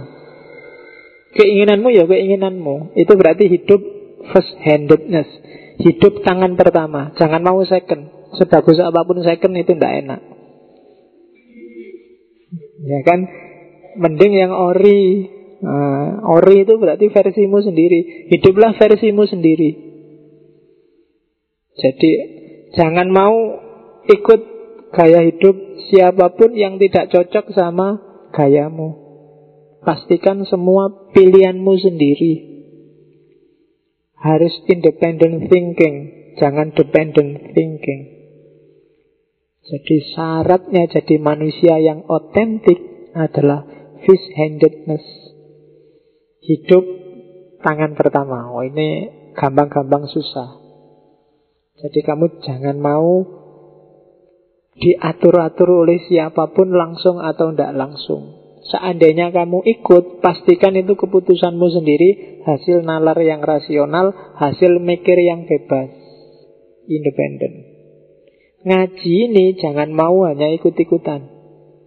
Kalau ikut-ikutan berarti ngajinya ngaji second. Harus ori, memang ingin ngaji. Kalau lagi males ya males aja. Kalau lagi suntuk ya suntuk aja. Tidak datang juga tidak masalah kan. Tidak ada urusan absen 75%. Ya, tidak ada yang hitung, tidak ada, tidak ada yang ribut. Tapi pastikan Ya untuk banyak hal kan kamu sering second. Ya usahakan yang tidak harus second ya jangan di second second kan loh. Yang bisa ori ya ori lah. Mungkin kalau kuliah kan kepeksa itu Tidak bisa ori jadi kamu second Ya usahakan naik ngaji-ngaji gini ori lah Ngaji aja second bagi saya tragedi itu kamu nggak ngaji juga tidak masalah. Malah lumayan teh bisa double yang lain. Jadi first hand hidup tangan pertama, hiduplah yang ori. Karena kadang-kadang ori sama KW itu harganya selisihnya separuh. Urusan HP itu padahal, apalagi hidup. Ya kan? Kalau hidupmu KW yo Mulai sekarang latihan hidup ori. Mungkin model rambut, merek baju, pilihan celana, ya kan? Pilihan angkringan, eh, milih sendiri aja, nggak harus ikut temenmu, ya kan? Oh, podo-podo angkringan nih kamu tidak dipilihkan, milih sendiri, tidak apa-apa. Termasuk kalau suka dangdut ya dangdut aja nggak usah digaya-gayain. Sekarang ganti jazz, ganti rock, ganti blues. Podo wae ndak cocok. Wong wajahnya sudah dangdut. Jadi harus ori lah. Jadi harus first hand. Nah itu orientasi hidup katanya Ayn Rand. Terus apa sih hidup yang baik itu? Jadi ini yang disebut dasarnya etika objektivisme. Jadi hal yang baik bagi tiap orang adalah apa sih baik itu? Baik adalah yang menguntungkan, yang memenuhi self interest, keinginan pribadi. Dan mampu meminimalisir yang merugikan self interest. Kebalikannya itu namanya buruk. Jadi ukuran perbuatan baik atau perbuatan buruk itu sebenarnya simple. Memenuhi keinginanmu enggak? Cuma itu. Kalau sesuai dengan keinginanmu berarti baik. Kalau enggak berarti buruk. Tapi nanti dilihat ya di dasar-dasarnya Enggak sesederhana Apa boleh pak keinginan sakar PDW Enggak boleh Karena dasarnya keinginan itu harus rasionalitas Nanti kita lihat dasarnya. Kayak gimana sih memenuhi keinginan itu? Nanti kita lihat ya. Mengapa kita butuh moralitas? Ya karena moralitas. Dengan moralitas lah kita manusia tetap jadi manusia. Simpelnya itu. Kita bisa survive jadi manusia. Kalau nggak percaya, hari ini bubarkanlah moralitas. Nggak usah nunggu satu jam. Kok wis. Rusak ndak karu-karuan. Misalnya, lupakan semua moralitas, berarti hak milik nggak usah diakui, pacarnya siapa, istrinya suap, siapa, nggak usah diurusi, pokoknya langsung detik ini juga nggak sampai sak jam itu kacau wis. Manusia jadi manusia moralitasnya. Begitu moralitasnya los, wassalam. Ya kayak tadi kan kamu tinggal binatangnya. Selesai. Bedanya manusia dengan yang lain itu moralitas. Survive-nya manusia itu juga karena moralitas. Makanya Nabi itu wanti-wanti sejak awal innama bu istu li utamima makarimal ahlak. Ahlak yang mulia, moralitas yang terpuji. Ini harus dirawat baik-baik. Kamu beda fikih tidak masalah. Beda mazhab no problem. Asal semuanya bermoral. Tidak ada gunanya kamu pinter fikih daki-daki sampai debat nggak pernah kalah tapi moralitasnya kosong. Begitu moralitasmu kosong, sebenarnya kamu sedang antitesis terhadap perjuangannya Nabi. Hari ini itu kan orang gue geran Ya kayak tadi kan sekedar hari Natal, sekedar maulud Nabi itu bisa punya musuh banyak. Kamu yang merasa, lu saya nggak ngerti apa-apa disalahin ya pak, ya tak bales. Podo kan berarti. Itu kan kayak orang dulu saya waktu SD diceritain guruku ada orang sholat jamaahnya tiga, imamnya kentut. Makmum yang satu bilang, wah sholat kok kentut, ya batal. Makmum yang satunya, hei sholat kok ngomong, kowe ya batal. Nah, makmum yang terakhir bilang, ah, sing sah berarti tinggal aku aja toh. Podo wahai batal kafe akhirnya kan. Ya kan? Hari ini kan kayak gitu kamu. Mulutan, bid'ah, Eh, jangan caci maki, mata nih, padha wae meso. Ya podo wae kamu ngelarang orang caci maki, kamu sendiri juga meso. Gitu. Terus yang satunya datang, nah, kan ini sama-sama caci maki podo Islami, mbok koyo aku gini loh, nggak pernah meso, ancene asu kabeh. Lah ya podo wae kabeh. Hari ini kan kayak gitu dunianya. Jadi akhirnya ya ora beres kabeh, jadi salate batal kabeh. Itu yang kamu lakukan tiap hari di WA WA, di Facebook Facebook, podo wae. Oke, terus karena kita bebas, kita ada value. Jadi gini loh, hidup itu kan bebas. Karena bebas, kita harus milih A atau B atau C. Kita bisa milih kalau kita punya value. Value itu nilai. Ayo, kuliah dulu apa pacaran dulu apa kerja dulu? Saya kuliah dulu, Pak. Karena ilmu itu di atas segalanya. Nah, ini ini namanya value. Gitu loh. Kalau saya, Pak, pacaran dulu, Pak. Karena apa pun yang terjadi, ketentraman batin itu nomor satu, Pak. ya kan? Loh, itu namanya value. Oh, kalau saya, Pak, kerja dulu, Pak. Kuliah tidak akan jalan, pacaran nggak akan lancar kalau nggak punya duit, Pak. Jadi tetap yang paling penting itu kerja, uang, Pak. Itu value. Jadi orang butuh value, butuh nilai. Kenapa orang butuh nilai? Karena orang harus milih. Kalau nggak punya value, kalian akan bingung. Tidak tahu mana yang harus diprioritaskan untuk dipilih. Pacar penting, kuliah penting, kerja penting. Tapi kan harus ada yang diprioritaskan, di nomor satu kan. Untuk tahu mana yang di nomor satu kan, kalian harus punya value, punya nilai. Nasionalisme misalnya, value-nya ya nation, negara. Keluarga rusak ndak apa-apa, ndak punya duit nggak apa-apa, sengsara nggak apa-apa, yang penting Indonesia jaya pak. Oh itu nasionalis kan, value-nya nomor satu negara, ya kan? Mungkin yang ideolog, ya ideologinya, mungkin yang apa, setiap orang punya value. Jadi nilai yang kamu anggap berharga dan itulah nanti yang kamu prioritaskan dalam hidupmu dan itulah yang kamu pilih. Jadi untuk bermoral kamu harus punya self interest. Untuk punya self interest kamu harus punya value. Oke, itu nilai yang selanjutnya. Self interest kita loncati sudah. Terus. Nah, jangan sampai ada namanya sacrifice.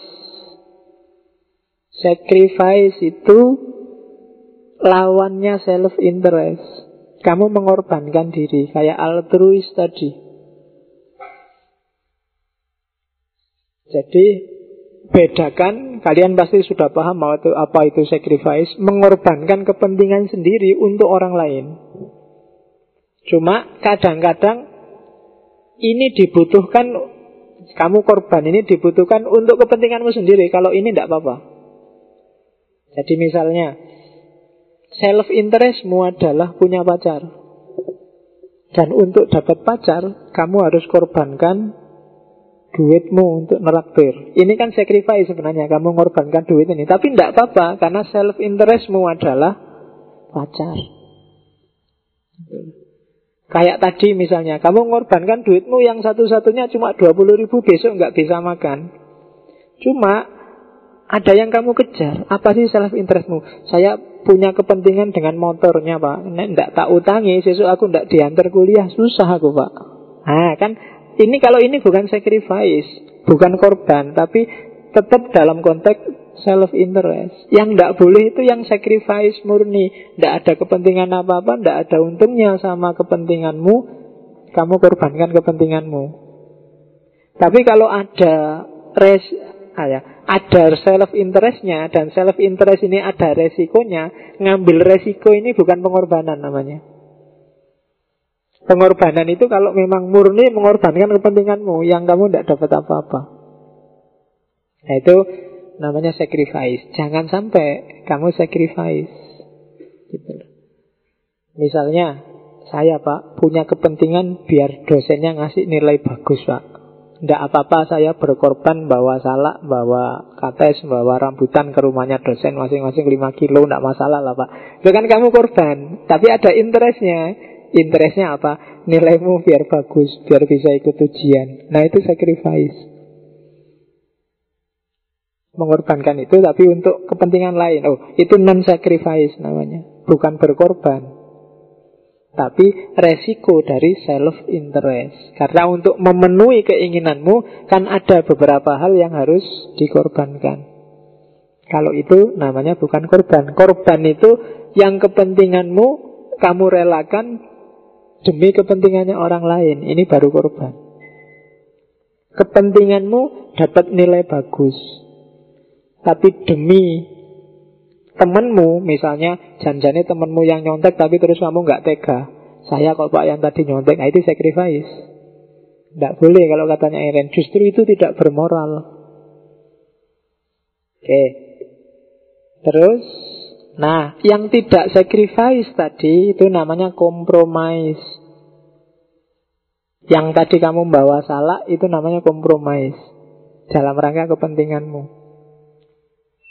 Kompromi. Ya wis aku kehilangan 20 ribu ndak apa-apa asal besok tetap bisa pinjem motormu. Nah, itu kompromis namanya. Kompromi. Oke jadi dalam banyak hal orang kadang-kadang harus melakukan kompromi-kompromi dalam rangka memenuhi self interest kebutuhan dirimu Terus, lah terus apa orang itu terus tidak boleh pak harus hitung-hitungan kayak gitu terus. Harus tidak boleh bantu yang lain. Ya boleh. Bukan berarti tidak boleh, cuma perhatikan ya katanya Ayn Rand, bantu orang lain itu juga ada teorinya. Kalau kamu memang ingin disebut bantu, yang pertama apa? Ketika kamu ingin nolong orang lain harus lahir dari goodwill atau generosity. Ketika itu goodwill atau generosity, maka dia akan jadi interestmu. Dia akan jadi kepentinganmu. Jangan sampai kamu nolong yang bukan kepentinganmu. Jadi saya ingin bantu temanku ini loh pak. Temanku ini sudah sakit berhari-hari Mau tak donori darahku ini loh. Itu dari kamu. Nggak ada yang maksa, nggak ada yang anu. Itu namanya goodwill. Kalau goodwillnya dari kamu Maka dia jadi interestmu Maka syaratnya yang pertama Dia harus goodwill Jangan sampai karena diperintah orang Jangan sampai karena terpaksa Jangan sampai karena Ya saya temennya pak, ndak enak pak kalau nggak bantu. Nah, itu berarti kepaksa. Harus lahir dari goodwill, generosity, kemurahan hatimu sendiri. Nggak ada yang mewajibkan, nggak ada yang mepet-mepet, nggak ada yang nyuruh-nyuruh, kamu sendiri yang begitu. Itu namanya goodwill. Jadi dari konteks ini sebenarnya agama pun harusnya kamu jadikan self interest. Kalau enggak, keberagamaanmu jadinya enggak etis. Kenapa kamu sholat diperintah Pak oleh Allah Pak? Itu kan enggak enak tuh bahasa diperintah itu. Seolah-olah kamu menjalankannya terpaksa. Kalau bisa ya jangan sholat lah Pak. Ya diperintah gimana lagi. Itu berarti enggak goodwill, enggak ada generosity. Masukkan dia dalam skema self interestmu bahwa kamu butuh sholat itu bahwa kamu butuh loh dengan puasa itu bahwa di antara self interestmu ini kamu ingin berbuat baik kamu ingin menjalankan agama tapi kalau levelnya masih kewajiban masih terpaksa tidak akan ada rasanya nggak akan ada nilainya nilai tadi kan berhubungan sama etika tadi yo kayak kamu bantu apa tapi karena diperintah yang dapat poin kan yang merintah bukan kamu Maka hati-hati, agamamu harus naik kelas. Ya, kalau anak kecil, makomnya memang masih perintah memerintah. Ya, kalau sudah seumuranmu kan harusnya agamanya sudah semakin canggih. Sholatnya aja kan sudah semakin cepat. Iya kan, kamu semakin pokoknya sholatnya sudah super kilat pokoknya. Saya yakin yang hadir malam hari ini kan nggak ada yang sholatnya 10 menit aja sekali sholat. Insya Allah nggak ada, sudah lancar. Bisa apal dungane. Oke, cuma syaratnya itu ya sebenarnya cepatnya nggak bisa jadi ukuran sih. Usahakan goodwillmu sudah nyambung sama ibadahmu. Jadi kamu nggak merasa yang butuh sholat itu kamu sampai ke situ itu namanya self interest. Bukan Allah. Ngapain sih Allah sama sholatmu? Sholat kayak gitu aja. Kalau Allah, ya kan apa sih istimewanya sholatmu kan gitu. Malaikat mungkin bosen lihat kamu sholat itu. Sholat kok kualitasnya nggak naik-naik sejak dulu. Apa, apa suratnya semakin lama semakin pendek. Ya, jadi ya kan nggak butuh Allah itu, yang butuh harusnya kamu. Maka rumuskan goodwill versimu bahwa aku butuh sholat, aku butuh lo puasa ini untuk aku lo gitu loh. Jadi tidak untuk Allah. Allah nggak butuh kamu rayu dengan sholat, kamu rayu dengan puasa. Yang butuh sholat, butuh puasa kamu. Itu goodwill. Ya yang kedua, etis berarti non-sacrifice tadi. Jangan sampai kamu konyol. Kalau bahasa Jawanya kan ada bahasa buru uceng kelangan jelek. Ngejar yang remeh kehilangan yang penting. Ngejar cewek kehilangan kuliah. Ah, itu non sakri apa? Korban itu self interestmu hilang banyak itu. Ya harusnya ngejar kuliah dapat bonus cewek. Ah itu bagus. Kok yon dilalah ngono ya kan. Kayak ngaji nih loh kan. Self interestmu kan ngaji filsafat dapat bonus teh. Alhamdulillah. Nanti kan tidak ada yang dikorbankan. Jadi non sacrifice. Win-win solution. Semuanya dapat enak. Terus yang ketiga non duty. Non duty itu kayak tadi. Jangan karena kewajiban. Entah diwajibkan atau kamu merasa ada yang mewajibkan non-duty. Itu baru disebut etis. Ya, karena saya temannya, Pak. Ya, karena saya kakaknya, terpaksa harus saya bantu. Karena saya anaknya. Kamu berbakti pada orang tua sekalipun, jangan masukkan itu di skema kewajiban. Kewajiban saya, Pak, bantu orang tua. Kalau itu kewajiban, ini sebenarnya tidak etis kalau versi Ayn Rand. Bikinlah bahwa self interestmu, kamu butuh loh untuk berbakti pada orang tua itu. Kamu yang butuh, bukan orang tuamu yang butuh kamu bakti, tapi kamu yang butuh untuk berbakti pada orang tua. Jadi membaca etikanya Ayn Rand Jangan dibaca, wah ini egois Mikir kepentingannya sendiri, tidak begitu Jadi Ketika kayak orang tua, ketika kamu merasa berbakti pada orang tua itu kewajiban saya, Pak. Itu kan ini tidak etis karena kamu melakukannya terpaksa karena kewajiban. Tapi harus muncul dari dirimu sendiri. Dia harus jadi self interestmu. Dan prinsip yang keempat, reasonable. Reasonable itu masuk akal. Ya meskipun non sacrifice, meskipun non duty, segalanya harus diukur rasionalitasnya. Jangan ngawur. Itu loh. Ya donor darah, ya donor darah. Ya dikasih sekadarnya, nggak usah dikasih semua darahmu. Ya, ndak masuk akal. Ngutangi ya ngutangi, ndak usah sak dompet-dompet, sak kunci-kuncinya, sak motor-motornya. Harus reasonable.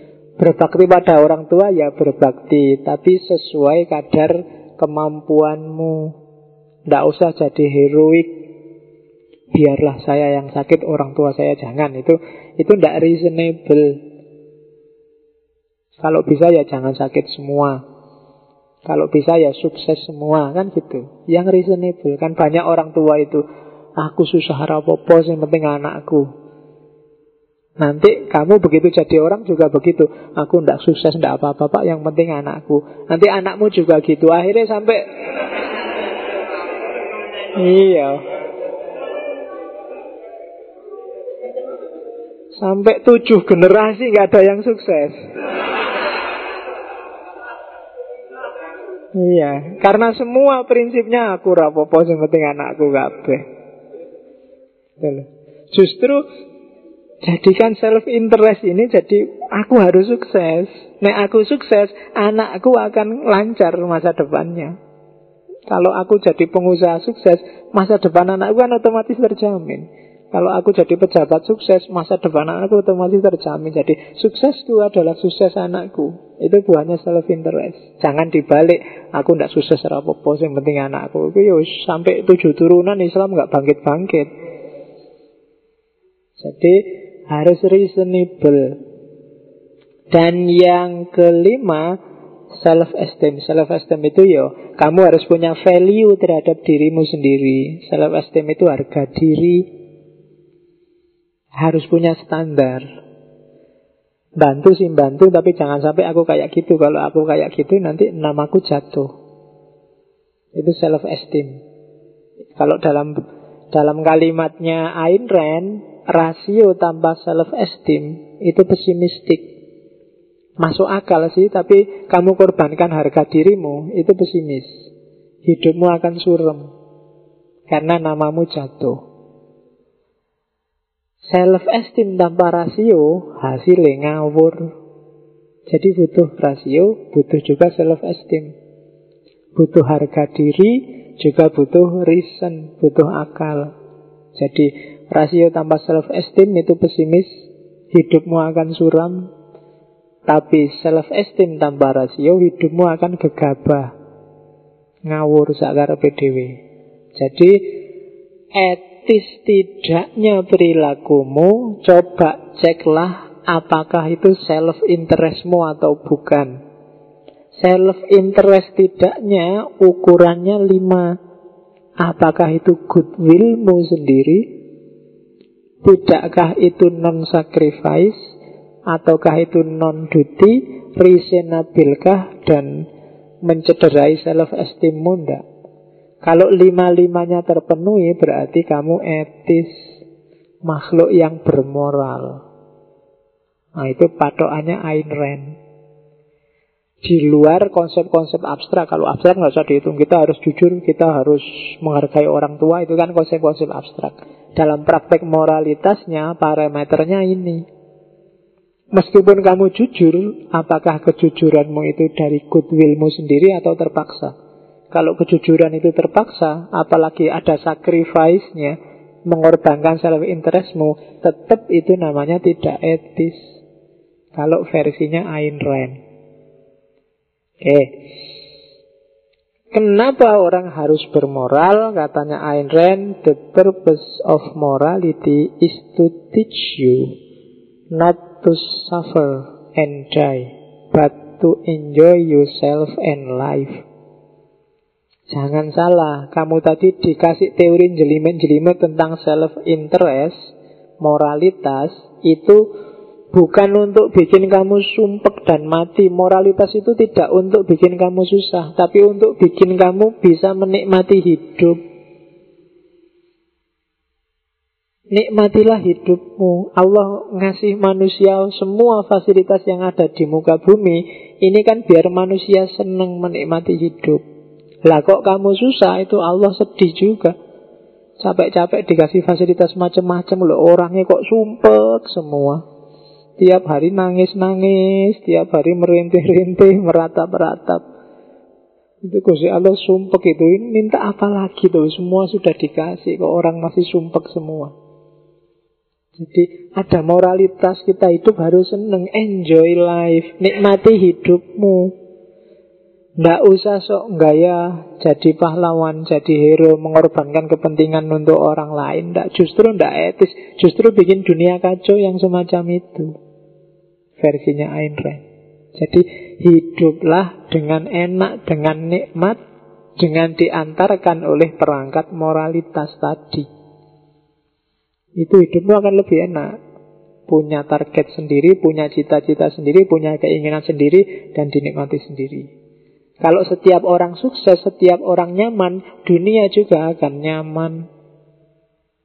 Tidak usah mikir orang banyak dulu. Kalau kamu beres, itu kamu nyumbang satu variabel beres dalam hidup ini. Kalau kamu nggak beres, berarti kamu nyumbang juga satu variabel nggak beres. Jadi rumusnya gampang. Nggak usah daki-daki mikir gimana ya dunia sosial kita ini. Politik Indonesia ini nggak karu-karuan. Ngapain jauh-jauh mikir Indonesia? Beresin dulu dirimu. Nah, nanti kamu nyumbang sesuatu untuk Indonesia. Lawang kamu mikir Indonesia sampai judek, mbok kamu idemu bagus-bagus juga ndak ada yang dengerin. Emangnya siapa kita? Jadi mikir aja kehidupan kita sehari-hari kita sumbangkan yang baik versi kita. Nggak harus sibuk nuding kiri, nuding kanan. Hari ini kan orang sibuknya gitu, lirik kiri, lirik kanan, nyari salahnya yang lain, padahal dirinya sendiri masih sumpek. Ya kan? Yang teriak-teriak, demo marah-marah, nyerbu-nyerbu itu begitu pulang juga kembali ke kehidupan nyata. Mikirnya juga rumit, besok makan apa, anakku daftar ulang sekolah kan itu. Coba beresin yang ini aja kan nanti nyumbang sesuatu yang tertib bagi kehidupan. Nah, itu maunya Ayn Rand. Enjoy yourself and life. Nikmati dirimu dan hidupmu. Dari situ kamu nyumbang kebaikan untuk dunia kita. Itu versinya Ayn Rand. Dan kata Ayn Rand lagi, ya terakhir-terakhir ini kan kelihatan ini ayat-ayatnya Ayn Rand. Tak potong-potong, tak ambil-ambil The truth is not for all men, but only for those who seek it. Jangan salah, kebenaran itu bukan miliknya semua orang. Hanya bagi yang nyari, orang nyari berarti dia butuh. Yang ndak butuh, kamu saudara-saudari, kamu kasih-kasih juga ndak mau, wong dia ndak butuh. Kamu punya kebenaran sebagus apa pun, kalau kamu sodorkan pada orang yang tidak butuh, ya dia tidak akan mau. Ini bagi saya penting rumusan biar kamu nggak putus asa. Kadang-kadang kamu diskusi sampai capek, ditunjukkan ini loh dalilnya, ini loh rasionalitasnya seorang. Wah, yang penting kamu liberal, sesat, tidak iso. Iya kan? Banyak yang gitu kan? Loh, makanya jangan capek-capek. Kebenaran itu memang tidak untuk semua orang kok. Tapi hanya orang yang butuh dan nyari. Kalau orang tidak nyari, kenapa ada orang yang tidak nyari? Karena dia merasa sudah punya. Kan itu. Maka kamu tidak perlu capek-capek juga tidak perlu putus asa. The truth is not for all men, but only for those who seek it. Kasih yang nyari, yang tanya padamu, yang butuh, kasihlah. Yang tidak butuh, yang merasa sudah punya, ya sudah. Tidak harus gegeran, ya monggo. Kan gitu. Ini rumus pergaulan intelektual. Oke. Ini juga ayat selanjutnya. A creative man is motivated by the desire to achieve, not by the desire to beat others. Manusia yang kreatif itu dimotivasi oleh keinginannya untuk mencapai sesuatu, bukan keinginan untuk mengalahkan yang lain. Tidak usah mikir yang lain rankingnya berapa, targetmu aja ranking berapa. Nggak usah mikir yang lain bisa apa, sudah Pikir saja kamu ingin bisa apa. Selama ini kegalauan kita hampir semuanya karena kita mikir yang lain. Ingin mengalahkan yang lain, nggak mau kalah dari yang lain. Dan ini sering jadi sumber masalah. Kamu tidak akan bisa tentram hidupmu, nikmat hidupmu kalau gayamu untuk sukses adalah dengan cara sejauh mana kamu menang di atas yang lain. Kalau logikamu menang kalah, hidupmu tidak akan tentram. Karena sejago apa pun kamu, ada yang lebih jago dari kamu. Jadi jangan desire to beat others, tapi desire to achieve. Sudahlah, kamu cita-citanya jadi apa itu saja. Jalan di situ. Nah itu Ayn Rand. Ayat selanjutnya kurang sedikit.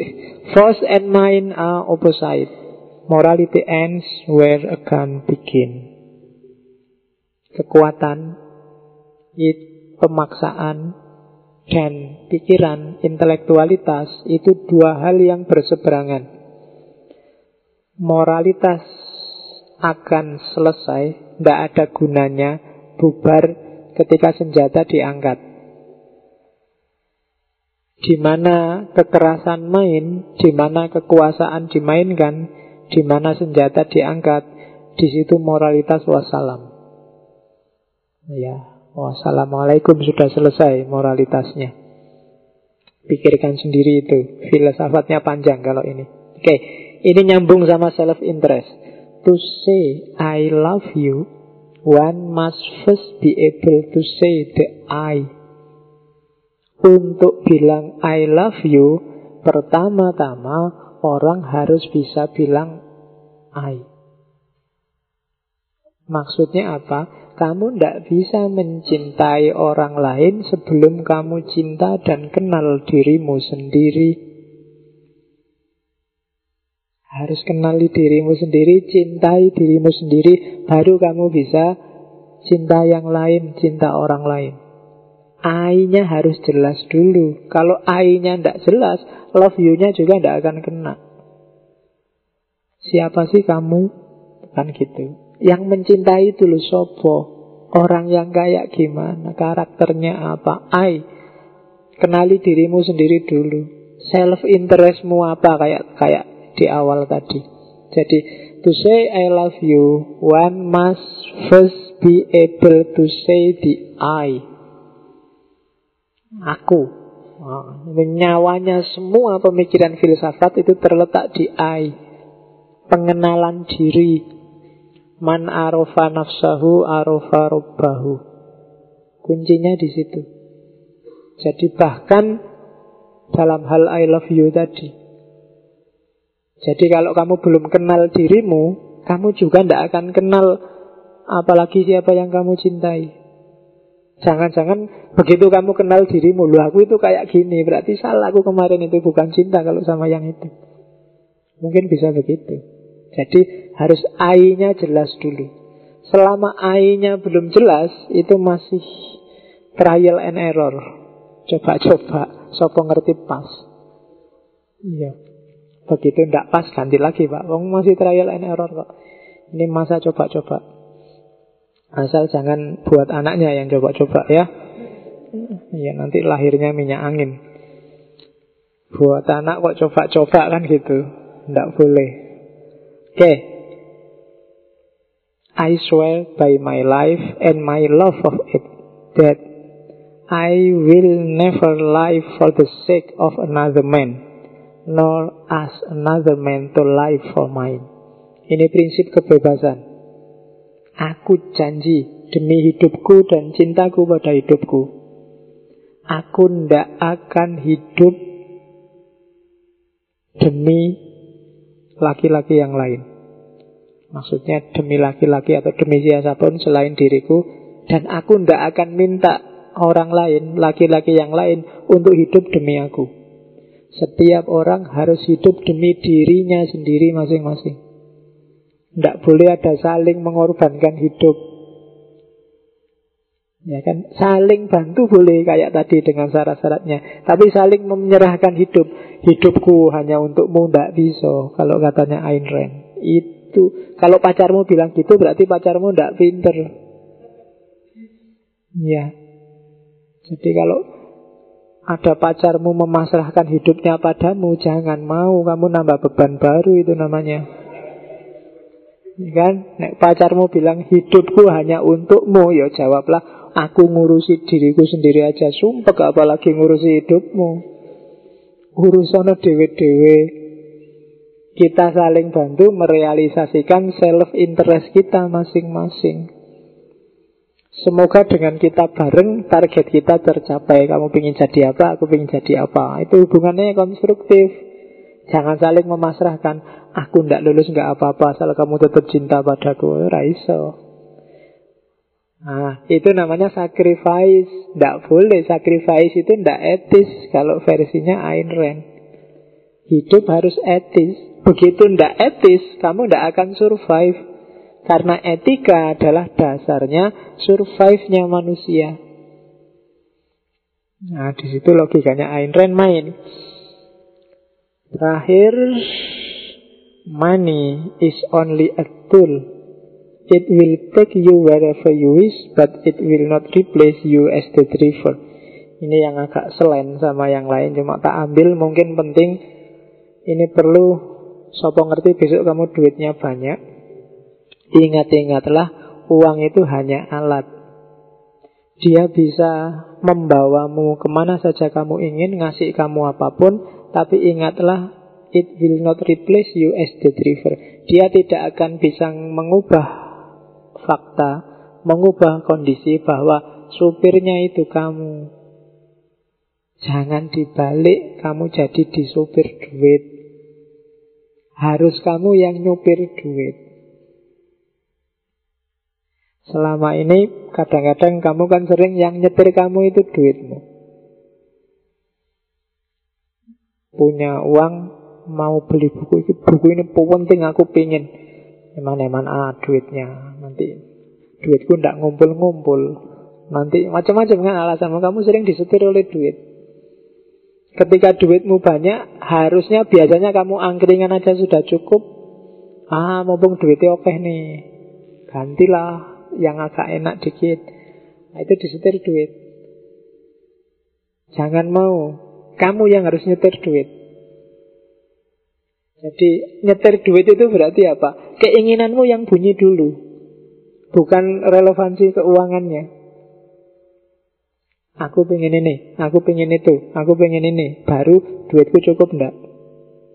Di setir duit itu berarti kamu bunyikan uangnya dulu. Duitku sekian, duitku sekian. Kalau begitu aku harus begini, aku harus begitu. Itu duit yang nyetir kamu. Tapi jangan dibalik fakta bahwa kamulah supirnya duit, kamulah supirnya harta, kamulah supirnya semua alat yang ada di sekelilingmu. Jangan mau jadi objek. Kamulah operatornya HP, bukan HP yang operatori kamu. Kadang-kadang kan dibalik, HP yang nyetir kamu. Begitu titit-titit, HP ku bunyi terus kamu ambil HP. Jadi HP kan yang nyetir kamu. Enak-enak tidur titit-titit, kamu harus bangun. HPmu malah nyetir kamu. Kadang-kadang TV juga nyetir kamu. Kayak gini nanti pulang sambil lihat TV, kamunya tidur, TV-nya yang lihat kamu. Jadi kebalik, semua alat sekelilingmu, kamulah supirnya, jangan salah. Bahkan berhadapan dengan temanmu, kamulah supirnya masing-masing. Jangan mau hanyut oleh logika gaya hidup oh, lingkungan sekelilingmu. Karena begitu kamu hanyut, maka hidupmu jadi KW. Second hand tadi, tidak lagi first hand. Hidupmu harus ori, Hidup sekali KW kan tidak enak. Ya kan? Hidup sekali harus ori, hidup versimu. Tidak disetir siapa pun. Karena besok kamu juga dituntut tanggung jawab sendiri oleh Allah, bukan yang lain. Jadi hiduplah secara original. Nah itu pikirannya Ayn Rand. Oke, nah itu ya. Malam ini tentang Ayn Rand. Jadi filosof perempuan selesai. Tahun 2015 kita masih sekali lagi. Yo, seperti janji saya minggu depan kita ngomong tentang filsafat kebahagiaan. Satu sesi saja menjelang 2016. Kita lihat, yo syukur-syukur kan nanti bisa bantu kamu bikin konstitusi tahun 2016 mau apa. Apa sih kebahagiaan itu? Karena puncaknya etika yang dituju setiap orang itu kan biasanya ke arah yang namanya kebahagiaan. Cuma ini mungkin minggu depan baru pengantar ya. Semacam pengantar umum, gambaran umum. Karena nanti pada saatnya saya akan masuk ke satu-satu tokoh yang ngomong tentang kebijaksanaan. Jadi minggu depan overview-nya apa saja yang ada dalam filsafat kebahagiaan. Setelah itu kita ganti tema lagi. Yo pada saatnya kita akan ngomong perempuan lagi entah kapan sesi kedua karena masih banyak filsuf perempuan. Bahkan kita belum masuk ke tradisi timur dan tradisi Islam yang tentang perempuan. Oke, saya kira itu insya Allah ketemu minggu depan. Wallahul muwafiq wal afu minkum wallahu a'lam bissawab. Wassalamualaikum warahmatullahi wabarakatuh.